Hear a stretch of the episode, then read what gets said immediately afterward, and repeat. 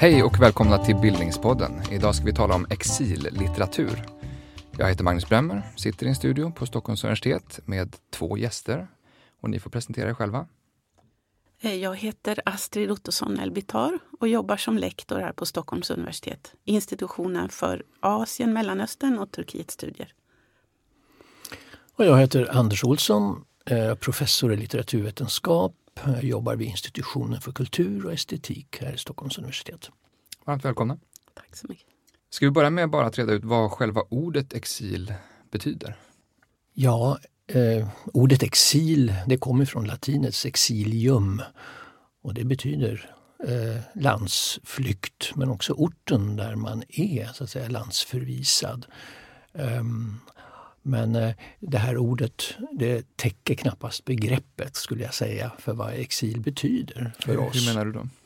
Eh, jo, jag menar att eh, det finns i det här exilbegreppet en hård kärna skulle jag vilja säga. Och som eh, man märker också i engelska ordets exile. Eh, och, och, då betyder det helt enkelt att bli straffad, bli landsförvisad. Så då, det är en väldigt sträng form av landsflykt det handlar om. Eh, men sen har ju det här ordet exil eh, andra, eller synonymer.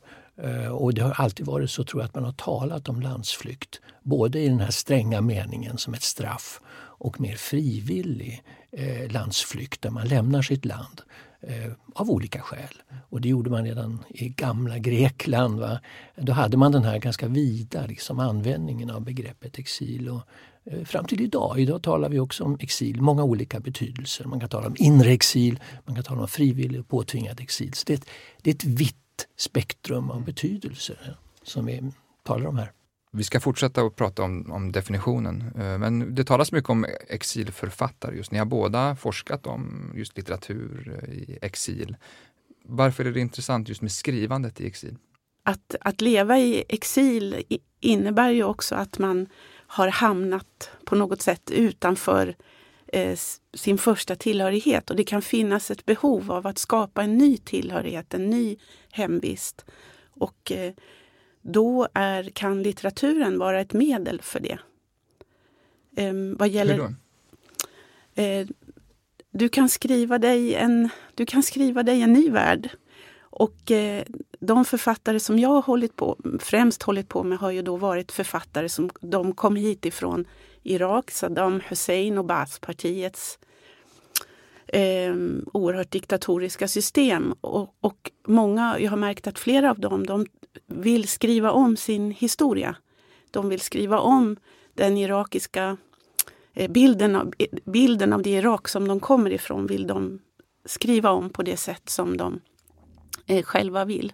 Och då fungerar, också, då fungerar litteraturen som ett bra medel, ett instrument för det. Och det är, väl, det, det, är ju en, eh, tror jag, genomgående så för, för mm. exilförfattare. Det där. Alltså att exilen innebär ju en, eh, en förflyttning på mm. alla plan. Man byter mm. sammanhang och eh, man konfronteras med nya språk, eh, mm. nya kulturer. Och det, det, det, det, ger ju den här möjligheten som du säger här, va? Att, att plötsligt se också eh, de egna ursprungen på ett nytt sätt. Mm. Och där, där, där, där får ju litteraturen en väldigt viktig roll naturligtvis. Eh, och, och, det, och där, där, kan det också innebära en stor frihet naturligtvis att, att vara i exil i det ögonblicket. Kan ni ge ett begrepp om hur utbredd företeelsen är i världslitteraturhistorien? Jag skulle säga att det är enormt och vi, se, vi ser det inte riktigt klart ännu. Va? Alltså hur, för att vi, vi har för lite så att säga histor, historisk forskning om, om exilens betydelse för mm. eh, inte bara litteraturen, också inom, inom konstarterna, alla områden. Eh, men det har funnits eh, exillitteratur. Alltså nu, nu talar jag framförallt om den västerländska eh, litteraturen. Här får du komplettera mig Astrid. Mm. Men eh, Sen 700-talet före Kristus vi har vi en fantastisk diktare som heter Arkilokos i Grekland. Och han är vår första lyriska diktare. Han levde i exil, mycket kraftfull eh, diktare. Han grundade en koloni på ön Tassos eh, och skrev eh, mycket satiriska jamber. Alltså han var en stridslysten poet. Och det förknippar vi kanske inte alltid med lyriken just. Men han gick till angrepp mot orättvisor i sin samtid. Och han fick en stor ryktbarhet.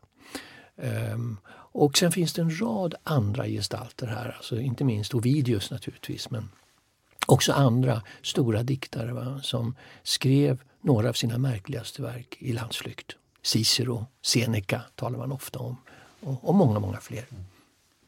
Vad gäller arabiska litteraturen då är också exilen eller man kanske tem, som teman som rotlöshet och nostalgi eller till, till någon plats som man har lämnat.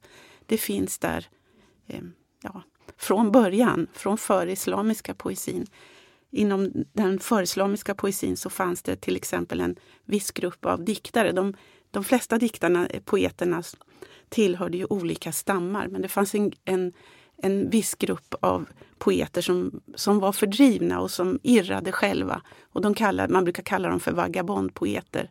Och de um, komponerade dikter som handlar om det här tillståndet att ensamma irra omkring. Det kanske inte är exil, men det är teman som också finns i exillitteraturen. Mm. Eh, det fanns också exempel från 900-talet var det en eh, poet som hette Abu Firas el-Hamdani som han, han vistades vid ett furstehov i Aleppo, i staden Aleppo. Och han blev tagen som krigsfånge av bysantinarna och vistades fyra år i Konstantinopel. Och där, därifrån skrev han poesi där han gav uttryck för sin längtan tillbaka och sin stora sorg över att eh, vara tvungen att vara på en annan plats. Så mm. den arabiska litteraturhistorien är också full av eh, exil och eh, de här temata som förekommer i mm. exillitteraturen.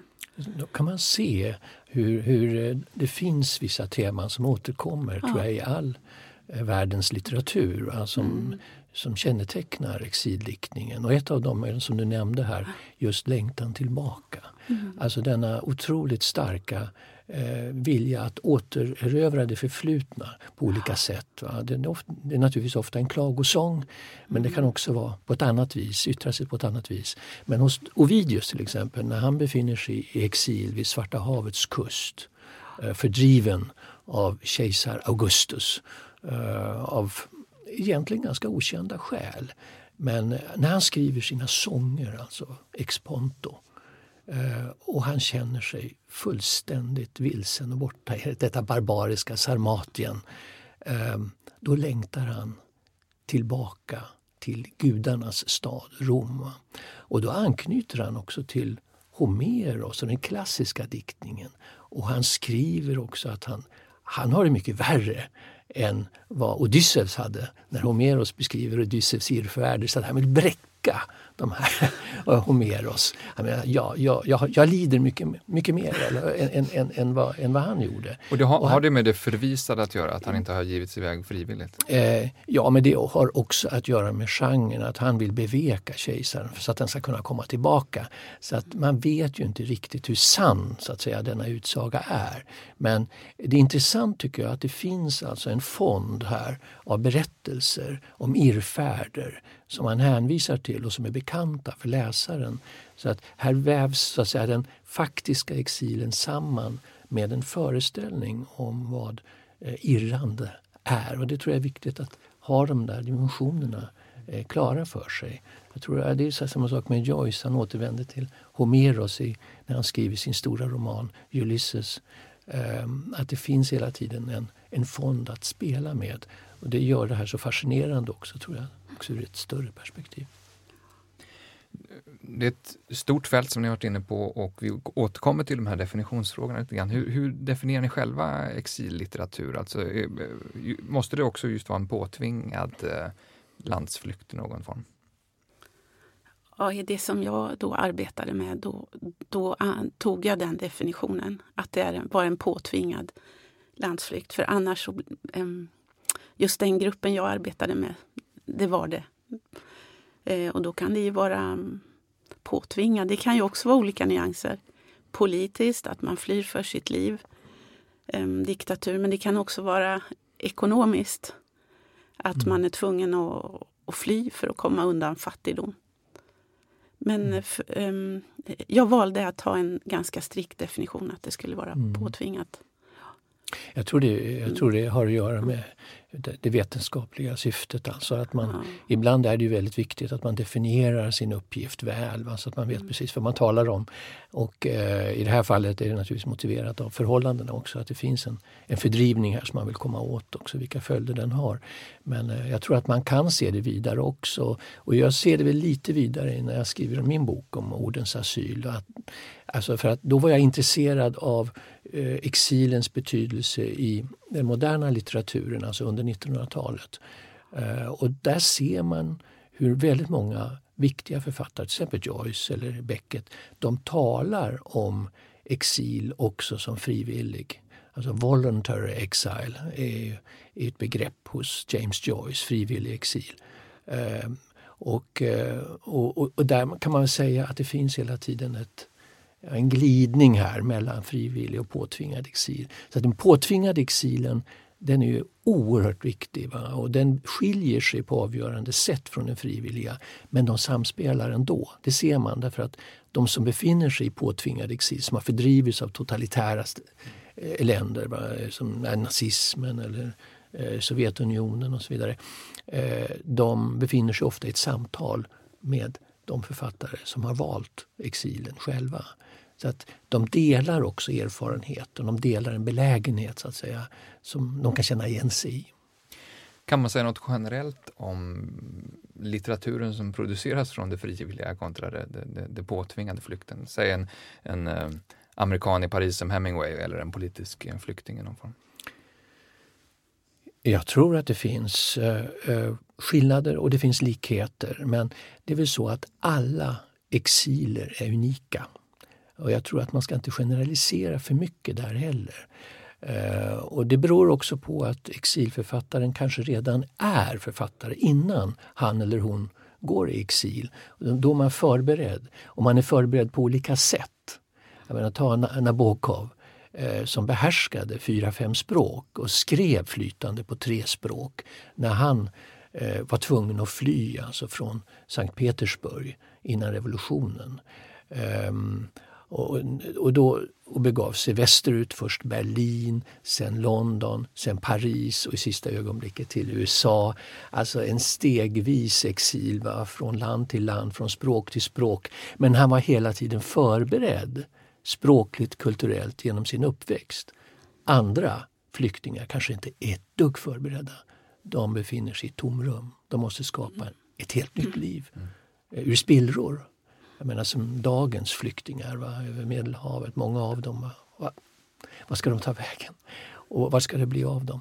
Jag menar det, det är så stora skillnader mellan olika öden här och det måste man ha klart för sig. Vi hade en dag, en, en workshop för ett, några år sedan om exillitteratur borta på min institution eller avdelning för Mellanösternstudier. Och vi hade besök av olika exilförfattare.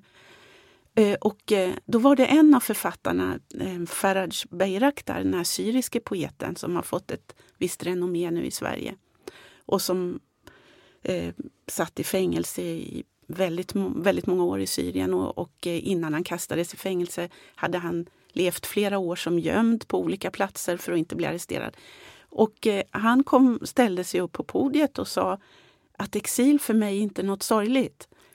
Eh, jag är glad att jag är i exil. Jag kan gå ut på gatan. Jag mm. behöver inte titta mig omkring. Är det någon som ser mig kommer jag att bli gripen. Jag kan skriva, jag kan säga vad jag vill.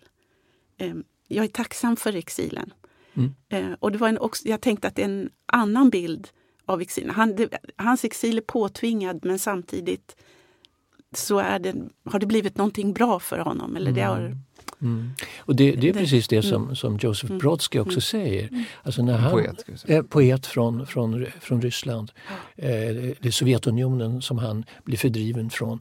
Eh, och eh, han beskriver det så också att eh, han fick sin frihet och plötsligt så kom han till ett land som var han, han sen, det han kunde föreställa sig som ett mycket, mycket bättre, eh, ett gott tillstånd i förhållande till till ursprungen. Där kunde han verkligen förverkliga sina föreställningar om vad, vad poesi kan vara. Och han sätter det i ett historiskt perspektiv också? Väl? Absolut. Han, han, han, han jämför ju också eh, sin situation eh, och den moderna exilförfattarens situation med, med Ovidius till exempel och den klassiska exilen. Det vill säga man skickas till en, en plats som någon sorts straff? Som ett straff, ja. Och det är klart att det är ett straff eh, även för honom men det är ett straff som eh, är just positivt i den meningen att eh, den moderna exilen, ska jag säga, där skriver man också eh, med en, en, en publik. Eh, man vet att det är någon som kan ta emot det man skriver. Och den föreställningen fanns ju inte till exempel för Ovidius när han satt ensam alltså vid Svarta havets strand och visste ju inte om hans ord överhuvudtaget skulle komma fram när han skickade sina brev och hur det skulle läsas. Eh, Brodsky hade ju förläggare, han hade folk överallt. Han visste liksom att hans ord skulle nå en större publik som också var beredd att läsa och förstå. Varför skriver man eller har man skrivit i, i exilen? Ja, jag tänker den grupp eh, som jag studerade, eh, den här eh, eh, irakiska romanförfattare i Sverige. Det är inte någon väldigt stor grupp och det är en liten grupp som man då skulle kunna kalla för mer erkända författare. Men förutom den här lilla kärngruppen så är det ett otroligt... Det, det verkar vara det, det är ganska stor akt, skrivande aktivitet.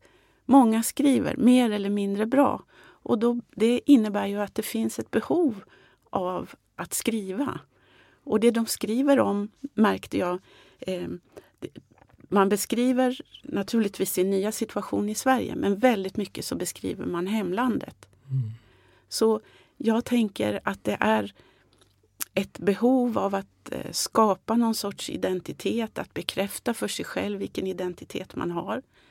För eh, många, flera av de här arabiska författarna, just som jag studerade, levde, fick jag en känsla av levde ganska ensamma liv. Flera av dem eh, kunde inte svenska något vidare eller inte svenska alls trots att de har levt här i, i många år. Och eh, kände sig kan, känner sig kanske lite förfördelad och, har, och, och betraktar sig ändå själva som intellektuella och, och personer, författare och, och sen har de ingen plats här i Sverige. Och då tror jag skrivandet är ett sätt att, att skapa en identitet och befästa sin, den identitet man kanske hade innan man kom hit. För de är mm. dubbelt hemlösa på sätt och vis. Man, man har förlorat ja. sitt hemland men man är inte hemma i det nya landet. Ja, så är det tyckte jag. I alla fall den här äldre generationen, det, den gruppen jag arbetade med, det var, um, det var bara män för det första. Det var också lite intressant. Jag hittade två kvinnliga författare bara men annars var det herrar. Eh, och eh, som har kommit till Sverige på de flesta 90-80-talet. Mm. Eh, och som jag tror hade en egen självbild, att de var författare, intellektuella, kulturella personer men de har ingen plattform här i Sverige. Och böckerna ges ibland ut i en form som kanske är ganska tråkig. Det finns tryckfel och framsidorna ser inte så bra ut. Men det, det gav ett ganska sorgligt, sorgligt intryck. Men det kändes som en väldigt stark strävan att, att behålla en identitet som man har haft eller att försöka hitta en, en, en identitet. Man får ingen riktig identitet här i Sverige och då vill man skapa någon annan identitet. Mm. Jag är irakisk intellektuell. Mm.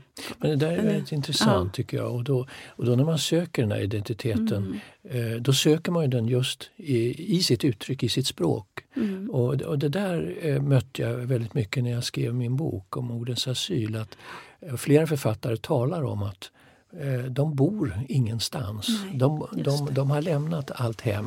Utan det enda hem de har det är, det är orden att jag reser i språket, va, som Nelly mm. Sachs säger. Alltså jag, det är där jag bor, om jag bor någonstans. Mm. Jag är hela tiden i rörelse. Va? Mm. Men eh, eh åtminstone eh, är språket någon sorts hem, ett nytt hem för mig där man kan vara. Och det, det, det är ett hem naturligtvis som är fullt av, av risker va? eftersom mm. språket är osäkert. Man tappar mm. sitt eget mm. modersmål ofta i exil och, och, man konfronteras med ett nytt språk som man måste förhålla sig till. Så att man befinner sig också språkligt va? i ett sorts mellanrum. Va? Exilen är ett mellanrum eh, som har fantastiska konsekvenser alltså för, för en människa. Det där är återkommande i, i, i exillitteraturens eh, historia, eller språket. Mm. Som, som utforskandet av språket. Mm. Just det där att man blir hemlös för att eh, i vissa verk eh, till exempel Irak så har det ju blivit möjligt att återvända. Saddam Husseins regim föll 2003 och eh, några har eh, återvänt för besök eller man har skrivit om ett återvändande och då är det inte så sällan att det här återvändandet slutar i en enormt stor besvikelse.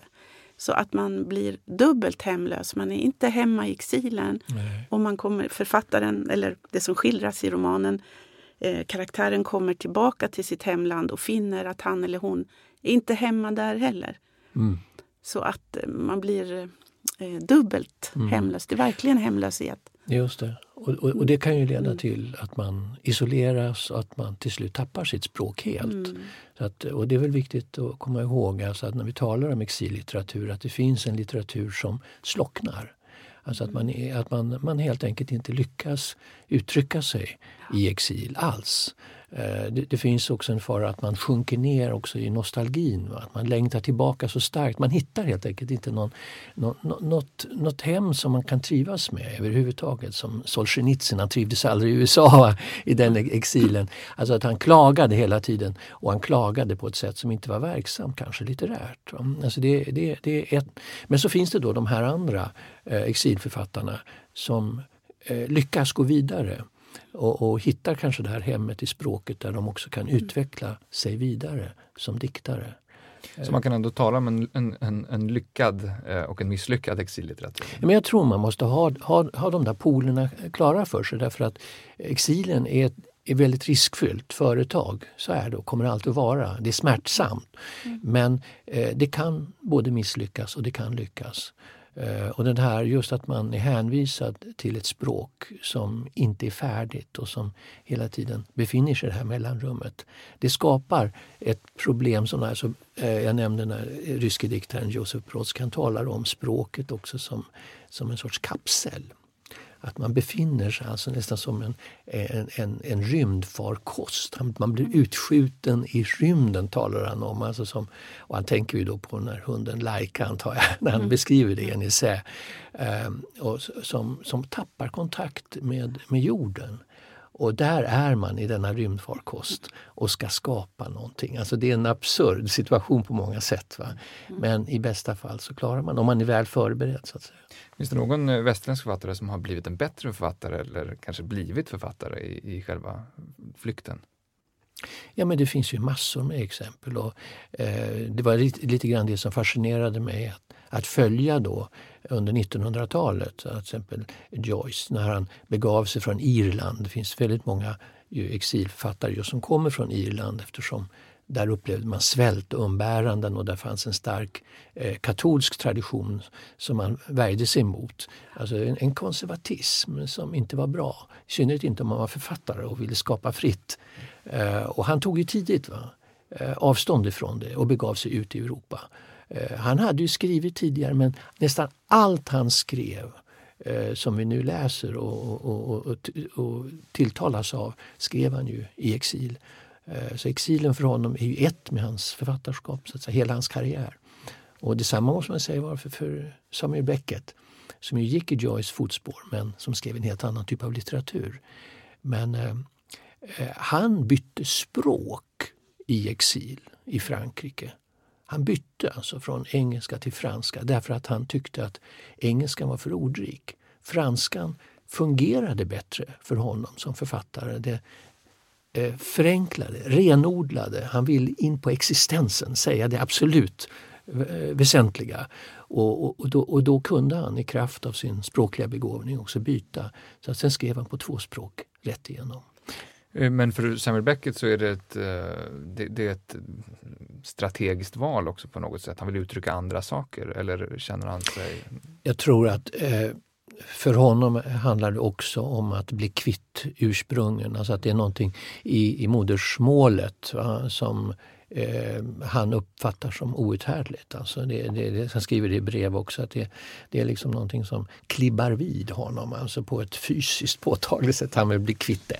Alltså, och han, han vill ju inte återvända någon gång till, till Irland. Va? Så att han, har, han, har en, han har en sån här separationsproblematik. Va? Och det är ju inte alla som har det naturligtvis men han drivs i exil väldigt mycket för att han vill göra upp med ursprungen, också på ett psykologiskt plan. Mm. Jag, jag, jag, ville nämna en grupp också som ja. är intressant. Eh, det var eh, en grupp judiska författare från Irak och de lämnade ju Irak och eh, flyttade till Israel. En sorts märklig exil eh, på 1950-talet. En exil från ett hemland till ett hemland egentligen. Det var väldigt mm. speciellt. Och den gruppen, de, flera av dem var också författare i sitt hemland. De skrev ju ursprungligen på arabiska. Um, och några av dem bytte sedan språk och började skriva på hebreiska medan mm. andra eh, gjorde aldrig det. De fortsatte mm. att skriva på hebreiska. Så det är också ett exempel på ett sånt här språk, språkbyte, mm. tänkte jag.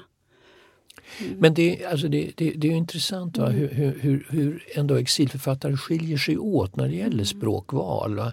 Alltså jag, jag, jag har ju sysslat mycket med den här rumänske diktaren och den judiske poeten Paul Celan eh, som levde i exil i Frankrike. Han skrev ju hela tiden dikter alltså på tyska, på sitt modersmål trots att han eh, blev fördriven av, av, av nazismen och an, an, eh, dessa bödlar va, som eh, mördade hans föräldrar i läger eh, tidigt. Och, och, och, som, eh, han, han, flydde ju, han flydde till Bukarest, sen Wien och sen så till slut hamnade han i Paris i exil där. Varför fortsätter han att skriva alltså på tyska och förnya detta hemskt, som då var fördärvat och perverterat av, av nazisterna?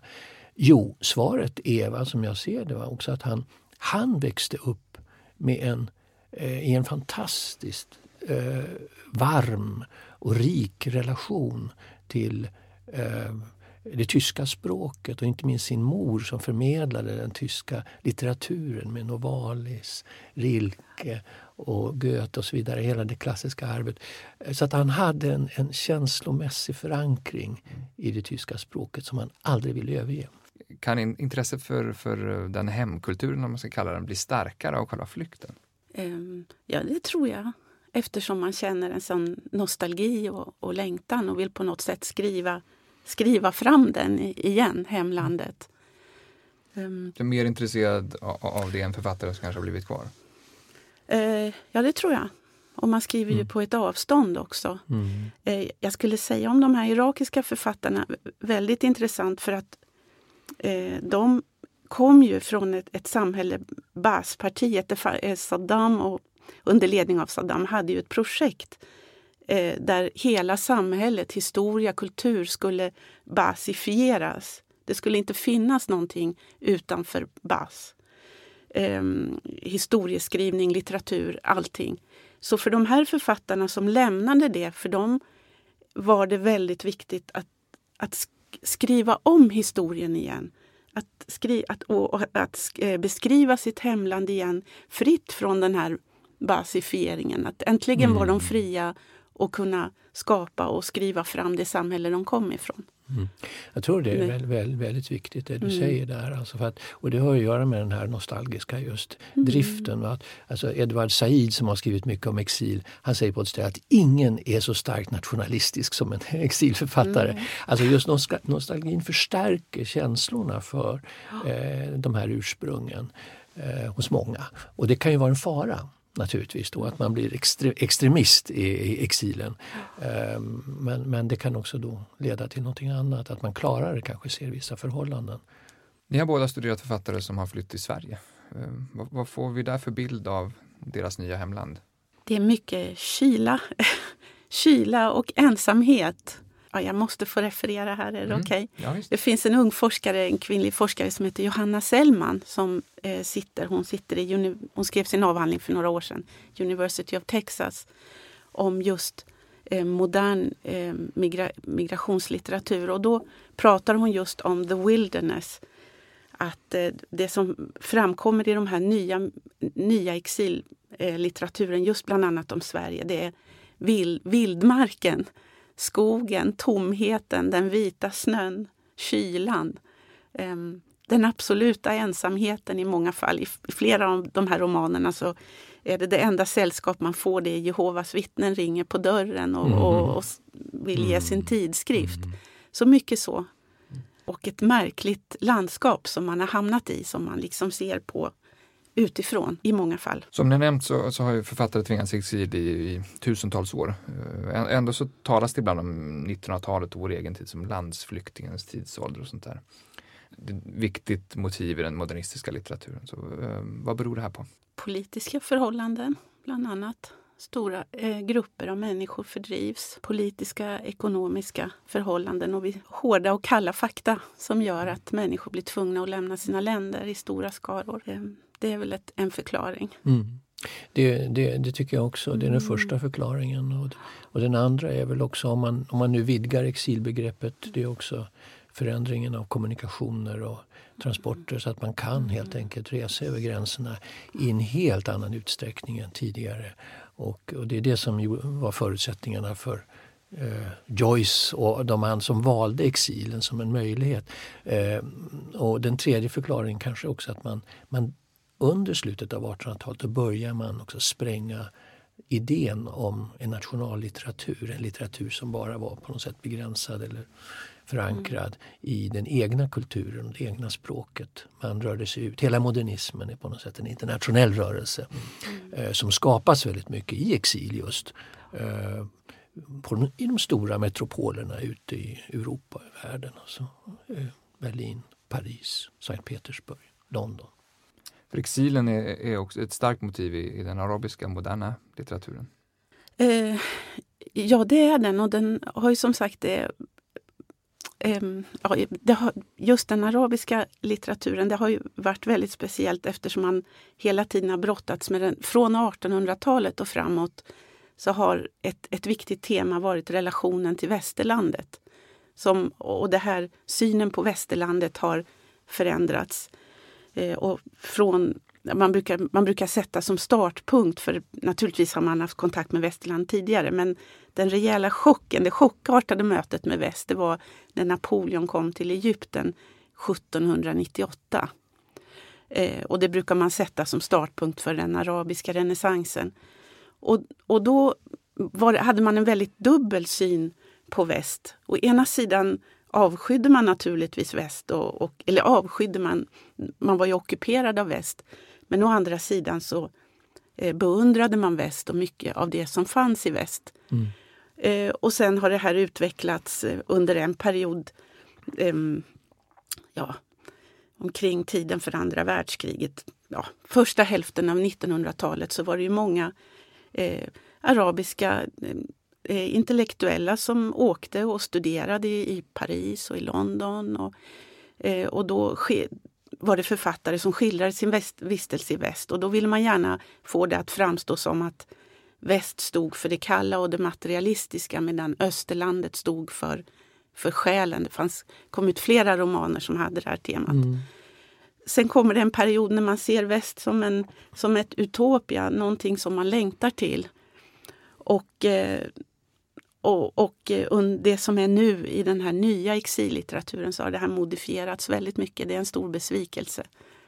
Så genom, från 1800-talet mm. och framåt, så den här relationen till väst har varit ett viktigt tema i arabisk mm. litteratur. Mm. För du beskriver mm. hur, hur, den arabiska litteraturen tidigare framställt det västerländska som det andra, ungefär som västerländsk litteratur ja, beskrivit Orienten och så. Ja. Men det här luckras upp på, på något Det sätt. luckras upp mer och mer. Um, Eh, det var väldigt mycket det andra. Vi hade några, eller i arabiska litteraturen finns det några såna här riktigt stora fixstjärnor. Författare Tawfiq el-Hakim och Akkad som beskrev, egyptiska författare som beskrev sina erfarenheter ifrån Paris. Och ofta handlade det eh, om unga män som hade en kärleksrelation till en västerländsk kvinna och så övergav den västerländska kvinnan den här mannen och han återvände hem till sitt land. Mm. Och hon får stå som en symbol då för det eh, materialistiska och kalla väst. Medan den unge mannen står som symbol för österlandet som har själ och hjärta och ande. Mm. Eh, men, och, och, och, det var en väldigt klar uppdelning mellan vi och dem och det här håller på att eh, suddas ut mer och mer. Och en orsak till det är till exempel kanske eh, man lever i väst men tack vare ja, inte vet jag, Skype och olika kommunikationsmedel mm. så kan man fortfarande eh, vara, vara kvar i öst. Gränserna håller på att suddas ut. Mm, det är inte och man blir dubbel själv. Man är inte längre mm. jag är, tillhör det i öst mm. eller jag tillhör det i väst. Man är någonting, mm. det luckras upp. Mm. Man börjar ifrågasätta de där enkla identifikationerna. Ja. Va? Ja. Ser du det i den västländska moderna sentida litteraturen också? Ja, det, det tycker jag. Och det, det, det, det, handlar väldigt mycket om det som du beskriver Astrid här. Alltså, att, att man rör sig så mycket över, över gränserna. Va? Det, mm. det, där, det där flödet gör att, att man eh, har svårt att hitta just de där fasta gränserna också för sin identitet. Du nämnde kommunikationsvägar Anders. Det är klart att det är en skillnad att sätta sig på ett tåg ner till Centraleuropa att fly eh, under mm, svårare omständigheter. Mm. Är det någonting som som sätter spår i litteraturen som ni har sett? Själva flykten? Eh, ja, i den arabiska eh, eh, väldigt moderna exillitteraturen, alltså från 90-talet och framåt, så finns det flera verk, författare som beskriver också den här flyktvägen. Mm. Och bland annat så finns det en, eh, en eh, liten undersånger, nordafrikanska författare eh, som beskriver den illegala flykten från Nordafrika till, till Frankrike. Så det har, det har satt absolut det fram. Det kommer som motiv och, väldigt, mm. och inte så sällan så besk beskrivs det i de här verken också resan. Resan från hemlandet till det nya landet. Mm. Det är, det, det, där kanske som, som mm. skillnaden ligger mellan, mm. mellan exil och vanligt resande. Så att, jag hade, mm. alltså att resan blir nu väldigt viktig liksom, just som, som en, en eh, ett ämne alltså för, för beskrivningen. Alltså för platsen den kan variera så mycket, mm. man vet aldrig vart man hamnar. Och, eh, men däremot så färdas vi på väldigt olika sätt. Mm. Är det där någonting som om man tänker en västerländsk modernt sammanhang som, som på något sätt trivialiserar eh, exilen i någon bemärkelse, att det blir enklare att ta sig, rent kommunikationsmässigt, ta sig mm. från en plats Nej, men Det kanske är så att det, man, man, kanske inte bör tala om exil just när det gäller den här, vad ska vi säga, mera turistiska, eller den här lättare så att säga resan. För att jag, jag tror att alltså den här eh, diktaren, den här stora italienska diktaren Petrarca som också levde i exil i södra Frankrike under många år. Ungefär när kan du säga? Det här var ja, 1300-talet. Och eh, han menade ju att exilen den måste innehålla ett eh, moment av smärta för att kallas exil. Och, eh, jag, jag, tycker själv att det är rimligt att man, att man gör någon sån gräns. Jag, jag vill gärna tala om en förflyttning i rummet men också mm. att den där förflyttningen den får innebörden av någonting mycket riskabelt och smärtsamt va, för att vi ska tala om exil i sträng mening. Det kan bli mode annars också det där begreppet. Det är väldigt många som vill kalla sig exilförfattare. Men, eh, och det, eh, eller motsatt, jag fick, har fått höra av många som menar att nej, vi ska inte tala om exil överhuvudtaget. Det hör inte till globaliseringen, mm. att det här exilfenomenet. Och det är också för enkelt för att just som vi har talat om den här tvångsmässiga fördrivningen av människor den är ju mycket värre idag än den någonsin har varit. Eh, just, så att det går inte mm. att göra så. Och just det du också säger, just det här att det ska fin den här smärtan som eh, finns. Det går inte riktigt att eh, trivialisera bort den och Nej. säga att det är globalisering utan Nej. att bli uppryckt från någonting. Mm. Det... Hur är det med eh, de irakiska författare du mm. studerat mm. och, och, kanske andra exempel eh, mm. med just beteckningen exilförfattare? Så? Är det, är det, har man, finns det en ambivalent relation till det? Ja, det gör det. det. Ja, det finns olika begrepp för det där och eh, en del författare eh, tycker inte om att kallas för exilförfattare. Till exempel Irak och jag återkommer till det hela tiden men det är för att jag har jobbat mycket med det. Eh, där var det ju så att den, det var ju så fruktansvärt hårt klimat under Bas eh, och Saddam Husseins tid. Att en mycket, mycket stor del av författarna eh, lämnade Irak. Och de som blev kvar inne i Irak, de var ju tvungna att foga sig i det system som fanns. Eller också helt enkelt hålla tyst. Mm. Och då, blev det, då diskuterades det väldigt mycket eh, författarna som är utanför och författarna som är inne. Och de författarna som var inne eh, ibland, vissa fall tenderade att anklaga författarna som var utanför för att vara förrädare eller för att de hade tagit den lätta vägen ut. Mm. Så det fanns, fanns mm. den här uppdelningen. Och jag läste också för inte så länge sedan ett eh, citat. Det är en irakisk författare som heter Ali Badr. Eh, han levde, jag tror han levde i Jordanien men nu lever han i Bryssel. Och han skrev väldigt förnärmad att helt plötsligt har jag blivit en exilförfattare bara för att jag bor i Bryssel. Jag är en irakisk författare. Han tyckte inte om det där. Mm.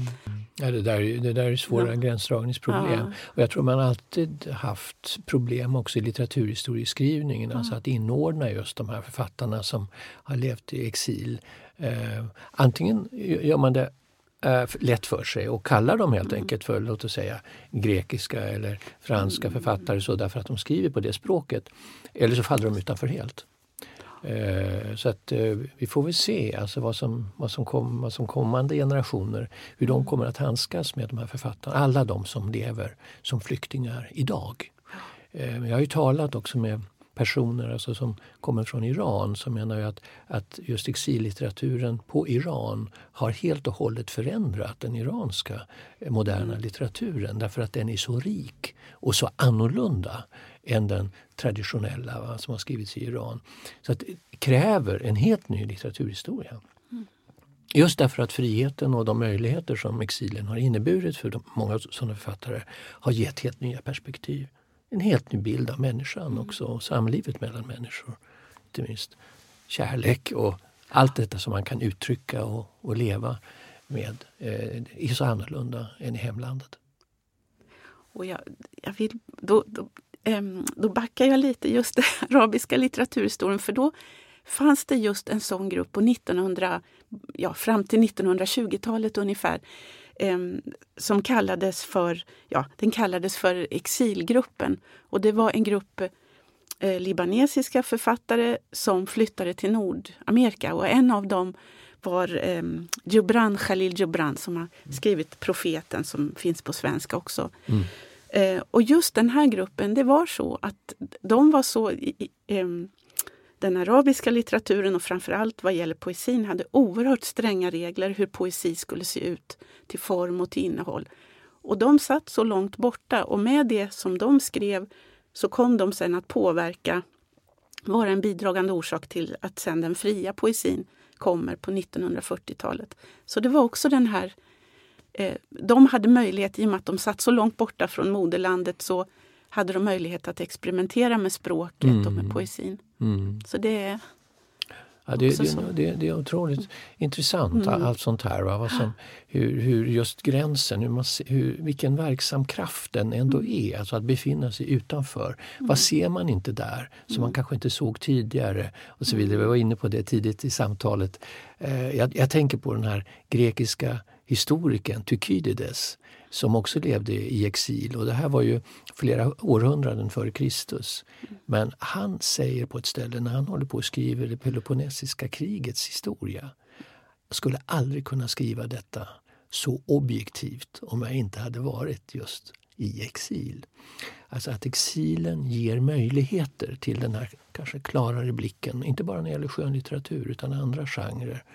Kanske också vetenskap att vara lite utanför gränsen, då får man kanske en bättre överblick.